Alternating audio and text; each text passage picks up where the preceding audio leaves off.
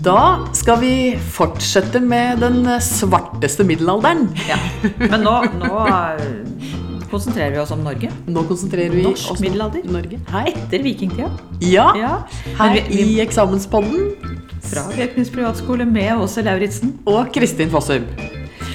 Vi må jo nøste opp litt, da. Vi har jo vært innom vikingtid og rikssamling. Men bare for å få det til å henge sammen, dette her. For i Norge så fortsetter liksom middelalderen etter at vi har avsluttet vikingtiden. Ja. Ja. Så denne rikssamlingen den førte jo til at landet ble territorielt samlet under én myndighet, som det het, altså en konge. Ja. Mer eller mindre, vil jeg kanskje si.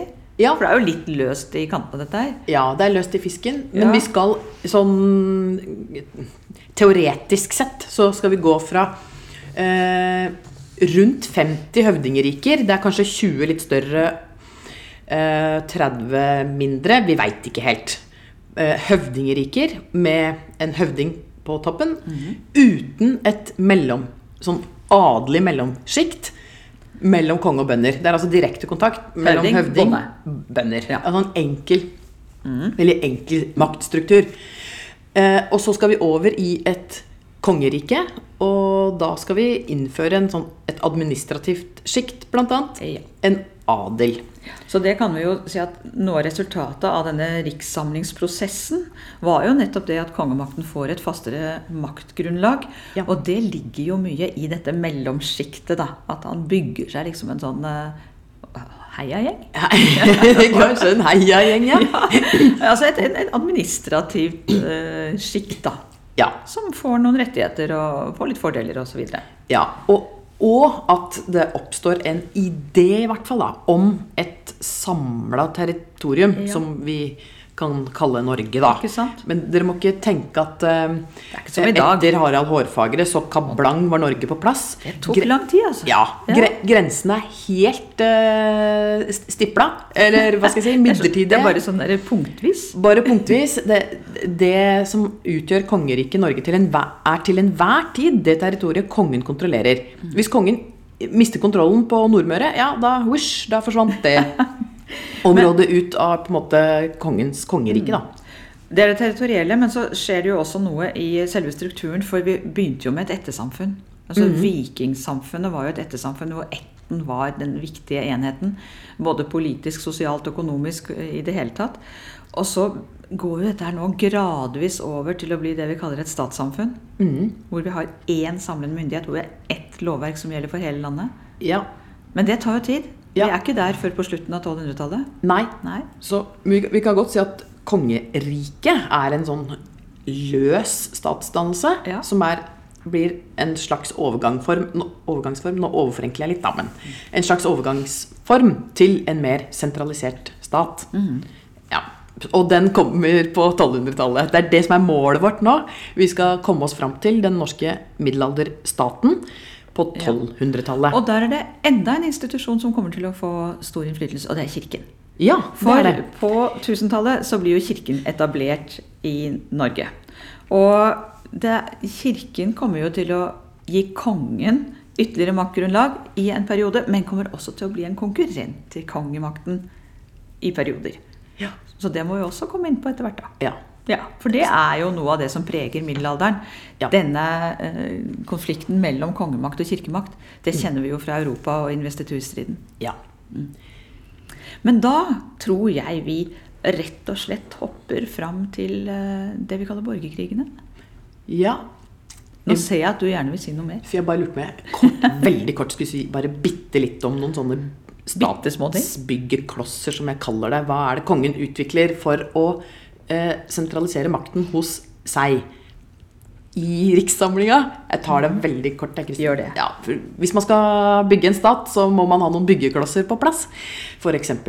lovgivning, f.eks. Eh, skatteoppkrevingssystem, eh, f.eks. en administrasjon osv. Så, videre. så vi har noen kjente konger som eh, samler Norge i rikssamlingstida, men som også da Det som også skjer i rikssamlingsperioden, er at eh, kongeriket går i oppløsning når kongen dør, da. Men vi får i hvert fall noen elementer. Vi får bl.a. lagtingsordninger, som er eh, representative ting Som gir lover. som gir lover. Der er ordet lag. Ja, og Gammelnorsk for lov. ja, lag betyr lov, altså lovting. Mm. eh, hvor eh, de lokale bygdetingene eh, velger representanter som reiser inn til lagtingene. Altså større eh, Det var ganske store tingkretser, tingkretser. Ja, F.eks. da Frostating, som eh, da gjaldt hele Trøndelag og Nordmøre. Ja. Møre og Romsdal, ville vi sagt i dag. Ja, Gulating. Hele vestlandsområdet. ja. Eidsivating, eh, hva skal jeg si, Sør-Østlandet eller noe sånt? Ja, altså det Oppland, Nei. Hedmark, eh, hele den delen av Norge. Ja, jeg mente Nordøstlandet. Altså Ja. Så hadde du Borgarting, som var, var eh. Kjenner dere navnene? Er ikke det så rart? Fordi dette her er de navnene vi har på dagens lagmannsretter. Ja. ja. Borgarting lagmannsrett, så videre. Eidsivating lagmannsrett. Ja, Så vi har altså brukt de gammelnorske navnene. Så her er det en viss sammenheng i norsk historie, gitt. Det er det. Mm. Og disse tingene både velger høvdinger, eller hyller dem da, og eh, vedtar lover. Og det er bøndene som gjør det. Og det er Men- viktig at bøndene er til stede. At de blir sendt fra sine bygdeting Ja. til disse tingene og skal representere sitt område. Ja, så, og det er viktig. Men når vi får i utgangspunktet fire lagting istedenfor alle disse små bygdetingene, så overfører vi lovgivningsmyndighet egentlig fra bønder til konge. Altså det innebærer en sentralisering av kongens makt over lovgivningen når vi får disse store lagtingene. Og dette går jo gradvis. Og det går gradvis. Nå, vi overforenkler veldig nå her, men ja. Ja. Um, um, jeg lurer Ja, jeg tror vi lar det være med det Ja. i rikssamlingsfasen. Ja. Nå har vi fått etablert en kongemakt og fått sagt litt om lovgivning. Så er det en del andre ting òg, men ja, jeg tror vi nå går videre Det til tror jeg også. For når vi nå kommer ut på 1000-tallet, så er jo kongemakten etter hvert relativt godt etablert. Selv Ja. om det er litt sånn eh, humper i veien her og der. Mm. Og det er relativt ro på toppen Ja. i det norske samfunnet. Ehm, Så dette hundreåret mellom ca. 1030 og 1130 kalles jo fredshundreåret av historikerne. Ja.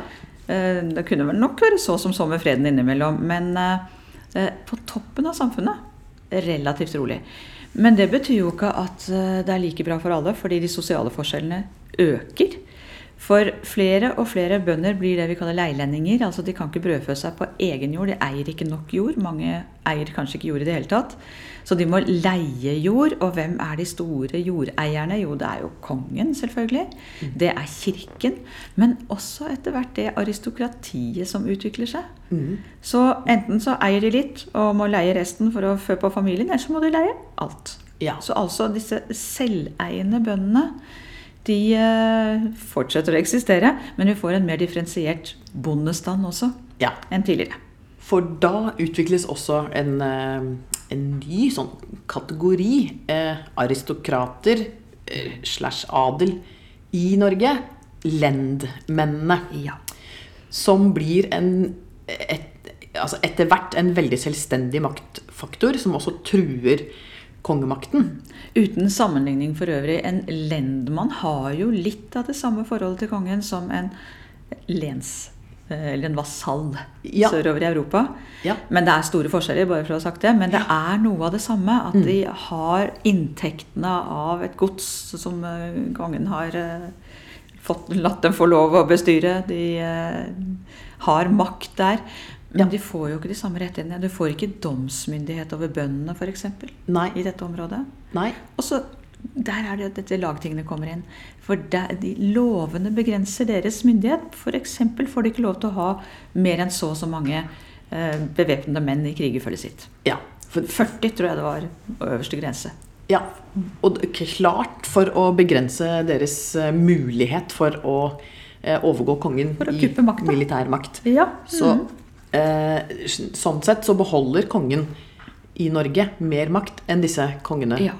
På eh, kontinentet, i hvert fall. da. Og så er det en annen viktig forskjell. Vi beholder jo en selveiende bondestand. Ja, det gjør vi.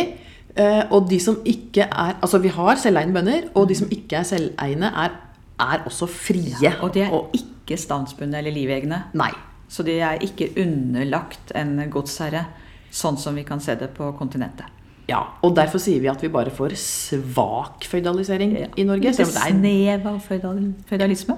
Ja, veldig sånn omdiskutert tema, men mm. ja vi, vi sier det sånn nå. Vi At vi sånn. får svak Vi får trekk av føydalisering, men også, ja, en svak føydalisering. er det jo interessant eh, hvem kan bli konge i Norge. Har man noen faste regler for det? Fordi det ser jo sånn ut på starten her da, at tronfølgerordningen ikke sikrer en stabil kongemakt. Man har liksom Ok, jeg er sønn av kongen, jeg vil også bli konge. Og det er sånn 40 sønner Ja. som hevder det samme. Så det var jo etter Harald Hårfagre slik at de som var hans etterkommere, de kunne kreve tronen, for de var av konge ett. Ja. Og så var det en del prøver de Ja. måtte gjennom. Jernbyrd, Ja, jernbyrden. Gå på glødende jern. Løpe helst, kanskje. Ja. ja. Eller så kan mora di si ja. Ja, ja, ja, ja, ja, ja jernbyrden, ja. Bære glødende sverd eller uh, uten å få for store brannsår. eh, eller så kan mora di si at du er kongesønn. Altså mora kan, Ja. de kan bevitne Men du måtte være knesatt. Det vil si at kongen måtte sette deg på kne for å erkjenne farskapet, da. Ja. Så her var det ikke bare bare. Nei. Men det betyr jo at når det var snakk om kongemakt, og sånn, så var det mange som kunne kreve denne kongemakten. Det var det. Og man var ikke så veldig eh, opptatt av om det var kongens eh, kone eller elskerinne, eller noen han bare traff sånn i forbifarten. Nei, det trengte ikke å være gift for Nei, å få nei, nei. ekte, ekte gåseøyne barn. Nei, Så der var man ganske grei, altså. Ja. Så uh, dette her uh, Altså, her kan det jo ligge litt konfliktstoff. ja. Her blir det som regel konflikt Ja. om hvem eh, som skal være det nye kongsemnet. Og ofte når vi da kommer til ja, Dere har sikkert hørt om Eirik Blodøks. Han har fått tilnavnet angivelig fordi han drepte alle brødrene Og sine. han var sønnen av Harald Hårfagre. Han var sønnen av Harald Hårfagre, så han er sånn gamle, gamle dager. Øksemorderen. Eh, ja. eh, Tror man, kanskje. ja. Eller kanskje det er urettferdig. Kanskje han var skikkelig grei? Ja. Ja, Det er bare onde rykter satt ut av hans fiender. Men- Men, men- i hvert fall, i borgerkrigstida så får vi en situasjon hvor disse lendmennene samler seg, altså de mektigste aristokratene i Norge, samler seg om ulike kongsemner. Og kriger seg imellom for å uh, få makten, da. Men før vi kommer dit, så Ja. er det jo ganske viktig å få med at bøndene hadde innflytelse på hvem som skulle bli konge. Ja. Fordi kongen måtte hylles på tinget. Det var liksom ikke bare nok å være sønn av kongen, så det var ikke bare arv, men det var også et element av valg. Ja. Så vi har jo denne, denne si, kombinasjonen av arv og valg Ja. for å bli konge. Så du måtte hylles på hyllingsting, som var noe litt annet enn et lagting, Ja. av bøndene. ja. Og da hadde jo bøndene reell innflytelse. Så her, altså tingordningen i Norge har altså et demokratisk tilsnitt. ja. Før disse lendmennene som du var inne på, kommer og ypper seg og tar en del av makten. Ja. Det er også det står i sagaene, da Det er jo vært, Man må være kritisk til det, men at uh, ulike konger har gitt seg for bøndene på tinget. Altså Ja. at de har gitt etter for bøndenes vilje på tinget. For kongene var jo ganske avhengig av bøndenes støtte, og etter hvert som det blir, altså disse lendmennene blir mektige, så kunne jo kongen spille på bøndene Ja. for å balansere makta mot lendmennene. Men som du sier, lendmennene de organiserte sine hærer, sto mot hverandre, så får vi liksom regionale konger nesten i en periode. Ja, det gjør Jeg vi. vil ha den kongen, og jeg vil ha den, og så fikk vi en konge her og en der, så vi har jo flere perioder med flere konger. Det har vi i borgerkrigstida. Mm. Um, um, jeg tror jeg bare tar utgangspunktet Kristin, for borgerkrigstida. At den starter med at Sigurd Jorsalfaret dør Ja. uten en mannlig arving. Og det er ikke så faste former rundt uh, uh, kongearven, på en måte, men eh, Eller tronfølgen, mener jeg. Men, eh, men du må være mann. I prinsippet må du være Ja. mann. Mann og etterkommer etter Harald Hårfagre, og etter hvert Olav den hellige. Hans Ja, etterkommere Det må du også være. ble enda, altså det ble veldig viktig, for vi skal jo ha med kirken her etter hvert òg. Ja. Olav den eh, hellige, også kalt Norges evige konge, da. Konge på 1000-tallet. ja. Man må være i slekt med ham. Ja.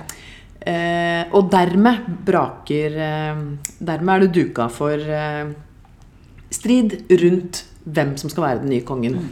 Eller hvem som skal arve tronen. Denne Sigurd Jorsalfar, han, hun, han hadde en datter, da. Det fall. hadde han. Hun het nemlig Kristin. Ja, ja. jeg skulle spørre hva het hun, Kristin? Nei, det er, det er, er noen navn jeg kan i Ja. historien. Så er det navnet på datteren til Sigurd Jorsalfar. Ja. Eh, og Kristin hun var gift med en mektig lendmann som het Erling. Ja. Erling Skakke. ja. Ja. Angivelig fordi han hadde, hadde hodet på skakke fordi han hadde fått Ja. øksehugg i halsen ble, som leiesoldat utafor. Sicilia. Ja. Også Cecilia. Ja, ja. Skikkelig slugger. Men de hadde en sønn. Nå, nå henger vi med i, i slektstavla her, ikke sant? Sigurd Jorsalfar hadde en datter som var gift med en mektig lendmann som het Erling. Erling og Kristin har en sønn som da heter Magnus Erlingsson. Liten gutt. Ja. Ja. Og Erling Skakke kan, bare for å gjøre det klart, ikke arve tronen. Han er ikke i slekt med Olav den Der går grensen. Ja. Men han er en slu strateg og politiker. Det er han. For eh, Erling Skakke han allierer seg nemlig med Kirken. Og Kirken er på offensiven nå. Må huske på, Vi har investiturstrid i Europa. Vi er nå på slutten av 1100-tallet, eller på midten av 1100-tallet. Ja, 11. Og vi har hatt eh, konkordat i Worms i 1122, hvor liksom fordelt makten litt mellom keiser og pave. Kirken har nettopp opprettet et eget erkebispedømme i Norge, med sentrum i Nidaros. Det betyr jo at Kirken ønsker å knytte Norge tettere til paven. Ja, Og Erling Skakke trenger mer legitimitet til sin sønn som kongsemne. For han har egentlig ikke det, i Nei, og med for der er det jo denne dama imellom. det er dama som ødelegger alt. kvinneledd er ikke godt nok. Det gjelder ikke. Nei. Nei. Vi har fått sjel, da. Oi! Jeg kjente det var noe. Ja. ja. Men iallfall så Altså, Så går Erling til erkebiskop Eistein i Nidaros, og de to da koker i hop dette her om at skal vi nå redde kongemakten i Norge, så kan vi jo sette lille Magnus på tronen. Mm, Han er tross alt født innenfor ekteskapet. Det var kjempeviktig for kirken. Og han hadde en viss eh, sånn arv fra kongen, da. Han var Ja. jo tross alt barnebarnet til en konge. ja. Så i eh, 1163 så blir det en ny tronfølgerordning vedtatt på tingene. Jeg kan godt tenke meg at der sto Erling med sine menn på lagtingene og så litt truende ut. Mm. For da vedtar de, de at det er eldste ektefødte sønn som skal arve tronen. Og her er det mye viktig, altså. Han skal være eldst. Mm. Det har man ikke sagt noe om før. Nei. Han skal være ektefødt, født innenfor ekteskap. Der ser vi kirkens innflytelse. Ja. De var så innmari opptatt av dette med ekteskapet. Mm. Og han skulle arve tronen. Og så kommer det et tillegg. At han skal godkjennes. Og her skal kirken ha en avgjørende stemme. Ja. Altså riksmøtet, som de kaller det, skal godkjenne han. Ja, det står til og med Har jeg lest at den norske kongen er vasall under paven? Altså Ja, når kirken skal sånn i kirkens øyne, så er Ja. det jo det. Mm. Så der har vi tydelig spor av kirkens innflytelse. Ja. Og den var Erling avhengig av for å få sønnen på tronen. Sønnen er mindreårig, så da kan du jo gjette hvem som har den reelle makten. Mm. Men før dette skjer, så har det allerede begynt å ulme. For når man skal krone denne lille gutten, Mm. Så år. gjør bøndene i Trøndelag opprør. Ikke søren om vi skal ha noe kroning av denne oppkomlingen her i Nidaros. Nei. Men det var der den store kirken ligger. Ja. Det var der erkebiskopen satt. De må flytte hele kroningen og salvingen, altså denne nærmest guddommeliggjøringen hva skal jeg kalle det, Ja. av denne lille kongegutten, Mm. til Bergen. Ja. Men disse opprørerne, de er De- jo noen fredløse Ja, ra, ra, Rekanes fant, Ja. som har fått tatt en annen Rekanes fant, fant den gangen. Nemlig Altså, de- en, kanskje en av de mer interessante personlighetene i hele Han er spennende. Altså. Han kommer fra ingen steder. Ja. Rekende på ei fjæl over Nordsjøen fra Færøyene. Omtrent. Ja. Men, men da hadde jo allerede denne lille Magnus Erlingsson vært konge noen år. Han kommer i 1177. Mm. Sverre Sigurdsson heter han. Ja. Fra Færøyene, som du sa. ja. Han påstår han er presteutdannet. Det er det stor tvil om, fordi eh, man kunne ikke bli ordinert som prest før man var 30 år. Nei, men Og- onkelen er prest, da. Ja, Det hjelper jo kanskje. Er Nei er det genetisk? Men, å bli ja, prest? det er det. Det er Ja, medfødt. Okay, ja. Skjønner du, Kristian? Akkurat, det er der det, Ja. det, er der. Han sier han er sønn av Sigurd Munn, en tidligere konge, og hans frille elskerinne Gunhild fra Bergen. Ja. Ja. Så, og Gunhild mener han er eh, Altså mora, da. Mener han er kongesønn. Det er ikke, det er ikke uten Ja. til. Se på gutten, da. Dessuten så har han jo hatt sånne drømmer. Han har drømt at, han har en, at han er en ørn som seiler over Norge. Hvor vingespissene peker eh, på ytterste vestlige og østlige punkt, og nebbet på Lindesnes og haletippen på Nordkapp. Da må Det må jo være en drøm sendt av I Gud. norrøn tid så er dette her Det er eh, sant. Det er. Drømmen er eh, altså, Da får du varsel om skjebnen din. Det er akkurat det du gjør. Og det spiller Sverre på. Han spiller rett og slett på det som har vært før. Ja. Han bruker den gamle ordningen som var før 1163. Mhm. Ja. Hvor alle sønner hadde lik arverett, bare du var sønn av kongen. Ja. Så, og så benytter han situasjonen og blir hyllet på Øyrating i Mhm. Trøndelag av bøndene. For bøndene i Trøndelag de gidder ikke støtte han der lille Magnus Erlingsson og han der sleipe Erlingskakke. Ja, så vi ser på en måte en sånn overklasse eh, som er representert ved, ved Erling Skakke og lendmennene. Lendmannspartiet med, med kirken på laget, den absolutte overklassen i Norge, mot en oppkomling, Sverre, kommer fra ingen steder, som har samla fattige bønder, mange av dem på flukt fra, fra borgerkrig. Eh, altså rusk og rask. en underklasse, som vi kaller Som vi kaller Eller hva vil du kalle dem? da? Ja, det er rusk og rask. Det er fredløse. det er, Fredløse. eh, Drevet på flukt altså, ja, av borgerkrigen. Eh, og de kalles birkebeinere. Ja, der har vi den. Yes. Og en historiker som heter Andreas Holmsen. Eh, Han opererte for ganske lenge siden, Andreas Holmsen, og ikke, riktignok ikke i middelalderen. Men han har jo eh, skrevet det at eh, borgerkrigene er et resultat av to linjer. Det ene er jo disse siste restene av den selveiende bondestanden, som er blitt ganske hardt rammet av at det er kommet et sånt sjikt mellom bønder og konge her. Ja. Deres opprør for å bevare siste rest av makt, det er den ene opprørslinjen. Og den andre er på toppen, mellom ulike maktpersoner helt på toppen i samfunnet. Mm, Og det er de som møtes her. ja. Ja. Og eh, i den siste fasen av borgerkrigen så ser vi eh, at det er disse to hovedaktørene. Tidligere i borgerkrigsperioden så er det litt eh, ymse geografiske motsetninger, klassemotsetninger. Men, men i den siste fasen så står vi igjen med eh, Erling Skakke og Sverre. I hvert fall skal vi fokusere på dem nå. For disse treffes jo Ja. etter hvert. Det er et viktig slag i 1179 på Kalvskinnet, Ja. som ligger i Trondheim. I dag er det jo midt i Trondheim by. Midt i Trondheim. Ja. Ja. Uh, og Sverre Sigurdsson holdt jo en veldig berømt tale før dette slaget, hvor han sier til mennene sine at den som dreper en lendmann, skal selv bli lendmann. Mhm. Det er ikke noe rart de gikk på, disse her fattige, lusete birkebeinerne. Men nå var det nok blitt litt mer proffe etter hvert, da, for Ja. han har fått stor oppslutning, eh, Sverre. Særlig i Trøndelag. Mhm. Så de eh, vinner jo slaget på Kalvskinnet, og Erling Skakke blir jo drept. Ja. Den, eh, altså lederen eh, av Lendmannspartiet, Ja. nå kaller de seg vel allerede baglerne. Og bagler kommer av ordet bagal, som er den staven som biskopen hadde som tegn på sin biskopære. Hyrdestaven. Ja. Så baglerne er kirken og Erling Skakkes parti, rett og slett. ja.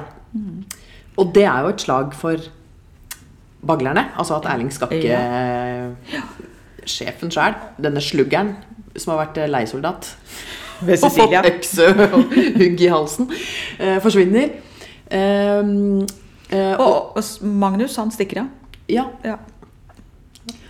Og så altså, Borgerkrigene bølger fram og tilbake, og og Sverre taper slag og vinner slag. Og, Det er jo ikke noe sammenhengende krig. Det er mer Nei. sånn at nå ja, blir det for mye. Nå ja. slåss vi litt. ja, Og det Så- neste avgjørende viktige slaget, det står jo 1184. ja, I Sogn. Fim, Fimreite. Ja. som er sånn sjøslag Ja. i Sognefjord. Ja. Han er en, en strateg, Sverre. For Ja. han, han følger ikke oppskriften. Nei, Nei. han. Han binder ikke båtene sine sammen, sånn som er vanlig å gjøre når man har utkalt Leidangen. Har vi jo faktisk ikke nevnt. Jeg tror men- vi snakket litt om Leidangen da vi snakket om Rikssamlingen. Ja. En tidligere pod. ja. Ja. Ja. Men det er iallfall et sjøforsvar. Ja, det er et sjøforsvar. Som bøndene har ansvar for. Yes. Ja. Innført på 900-tallet under Håkon den gode. Ja. Ja. Og da skulle man binde sammen skipene, så hadde man en flåte å kjempe fra. ja. Ja, men, et, så eh, man står på en måte på en flåte og slåss. Men Sverre han beordrer jo mennene sine til å løse opp denne flåten i det slaget begynner, og omringe flåten til Magnus Erlingsson. Ja. Og ifølge Soga så drives Magnus og mennene hans fra båt til båt. Og altså på, på retrett, da. Og til slutt så synker eh, båtene, for de blir for tunge. Og det står på én båt. Ja. Og dermed, ifølge Soga, drukner eh, Magnus, da. Ja. Så birkebeinerne har da vunnet. Ja. Men ikke hele landet. Nei. For deler av Norge blir jo baglerrike. Ja. Så særlig her på Østlandet har jo baglerne makt, mens eh, Sverre han er jo helt klart helten i Trøndelag blant annet. ja. Så det er en todeling av eh, Norge. Så Sverre blir jo konge. Ja. Eh, Men vi snakker jo om at man egentlig bare skifter person på toppen. Eller Ja. personer på toppen. Han setter jo inn sine birkebeinere i alle disse maktposisjonene. ja. Men systemet endres jo ikke i noe særlig grad. Nei, for, men det eh, har vært en diskusjon. Sant? Ja, betyr det en demokratisering av styresettet? Når underklassen liksom tar makten? Men, eh, men eh, mange mener også at eh, dette ikke skjer. Altså at det bare er en utskifting av personer i maktposisjoner. Og at, som du Men sier, strukturen Hvis eller vi ser systemet på det som nå skjer eh, utover på 1200-tallet og under Sverres etterkommere, så styrkes jo kongemakten. Ja. Helt klart. Mhm. Men lendmannsaristokratiet får seg jo en knekk. Ja.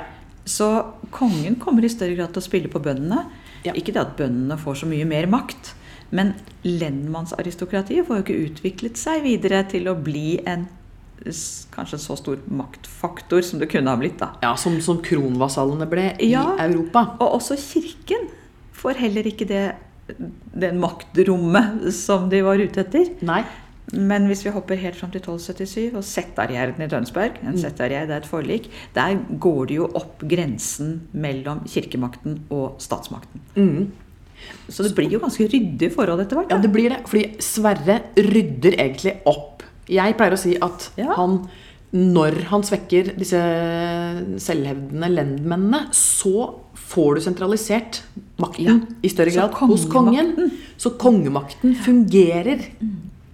Det er det som kanskje er Sverres store bidrag, blant annet. Ja, Og så får du jo det rene arvekongedømmet Ja, etter Sverre. Ja, det Det, er Sverres sønn, sønnesønn osv. utover på 1200-tallet. Mm. Så det er ikke diskusjon i samme grad om hvem som skal være konge. Nei. For her går det i arv fra far til sønn. Ja. Med veldig liten grad av innflytelse fra andre som har lyst på makt. Ja. Og også kirkens eh, innflytelse over kongemakten, den eh, svekkes jo.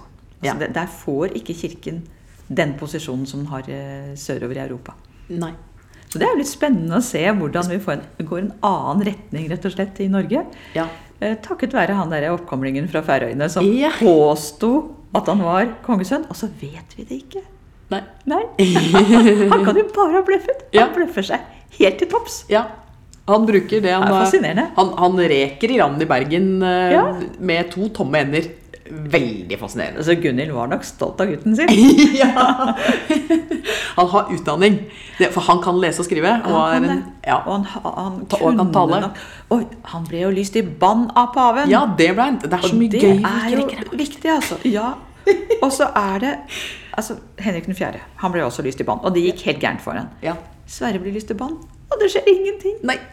Han bare sier 'gi blaffen i Roma'. Det er langt til Roma. Og det er jo et viktig. Det er langt til Roma. Ja. Så paven kan ikke ramme Sverre på samme måte som man kan ramme den tysk-romerske keiseren. Nei. Dessuten er det biskoper i Norge som ikke er så pavetro at de gjør noe. Så de Ja. støtter også Sverre. Nei, Ja. Det her er jo så gøy. Ja. ja. Men, og da, nå er vi kommet oss over i sverreetlingenes kongerike, og det er liksom Noregsveldet, har noen historikere kalt det. Storhetstiden. Storhetstiden. Stabilt. Stat, sentralisert makt hos kongen på 1200-tallet. Og kanskje den største er Håkon Håkonsson. Ja. Kanskje dere har sett filmen om Birkebeinerne? Det er han lille gutten som de skal redde fra baglernes territorium, Østlandet, og ta med seg til Nidaros. Det er derfor folk løper sånn med tunga ut av halsen i Birkebeinerløpet for å komme unna baglere. Ja! ja. og um, dette er en stat som både har et sentralstyre og lokalstyre. Altså, kongen har makt ehm, eh, han, han, eh, etter hvert så får vi en landslov. Jeg tar det mest interessante. Gjør det. Ta landsloven. Ja, med Magnus Lagabøtte. Altså Magnus, sønn av Håkon. Magnus Lagabøtte. Han eh, som reparerer lovene. ja, bøter bøter lovene. loven. Mm. Han eh, lager en lov, en landslov, som gjelder for alle innbyggere i territoriet Norge. Han syr sammen de eksisterende lagtingslovene. Ja, altså Gulatingsloven, Frostatingsloven osv. Ja, slår dem sammen til én. Så dette er Norges første lover, og det er veldig viktig i en stat at man sant, utøver makt gjennom Det er jo nå først vi kan snakke om en statsmakt. Ja. Altså et statssamfunn. ja. Så nå er egentlig denne turen eh, fra ettersamfunnet til statssamfunnet sluttet. Den slutter jo på en måte med at vi får en landslov. ja. Og så har vi syssel, eh, altså lokalstyre eh, i form av sysler med sysselmenn innsatt av kongen, som sørger for et lokalstyre som kongen Han har ikke full kontroll. Det- Dere må ikke tenke at det er dagens Norge med fylkesmenn eh, og sånn. Men, men har, kongen har både makt eh, i et eh, riksstyre og i eh, lokalforvaltningen da, gjennom sysselmennene. Eh, han, de har eh, bevart leidangsordningen hva gjelder forsvar. Eh, kongen har også fått en landbasert hær. Eh, kongen har i større grad sørget for skatteoppkreving, som øker utover i, på 1200-tallet. Men også bøtene øker. Er altså Inntektene til kongen øker fordi de mer og mer blir å være lovbryter, altså. Ja. Ja. Men til tross for alt dette her, kongens, kong, den norske kongen og kongeriket Norge er fattig. Eh, og det, skal ramme Norge ganske hardt at vi setter oss i gjeld til eh, Hansan, et tysk handelsforbund, senere. Ja. Det Ja. at vi heller ikke da utvikler noe handelsborgerskap, kommer jo til å bli en svakhet ved det Mm. norske samfunnet. Men dette her er jo kulturelt sett en veldig rik periode. Ja. Vi må jo lene oss mye på Island når det gjelder litteratur, da, for det er der det foregår. Ja. Men vi får jo mye større kontakt mot Europa, ja. og da innflytelse på mange områder fra Europa.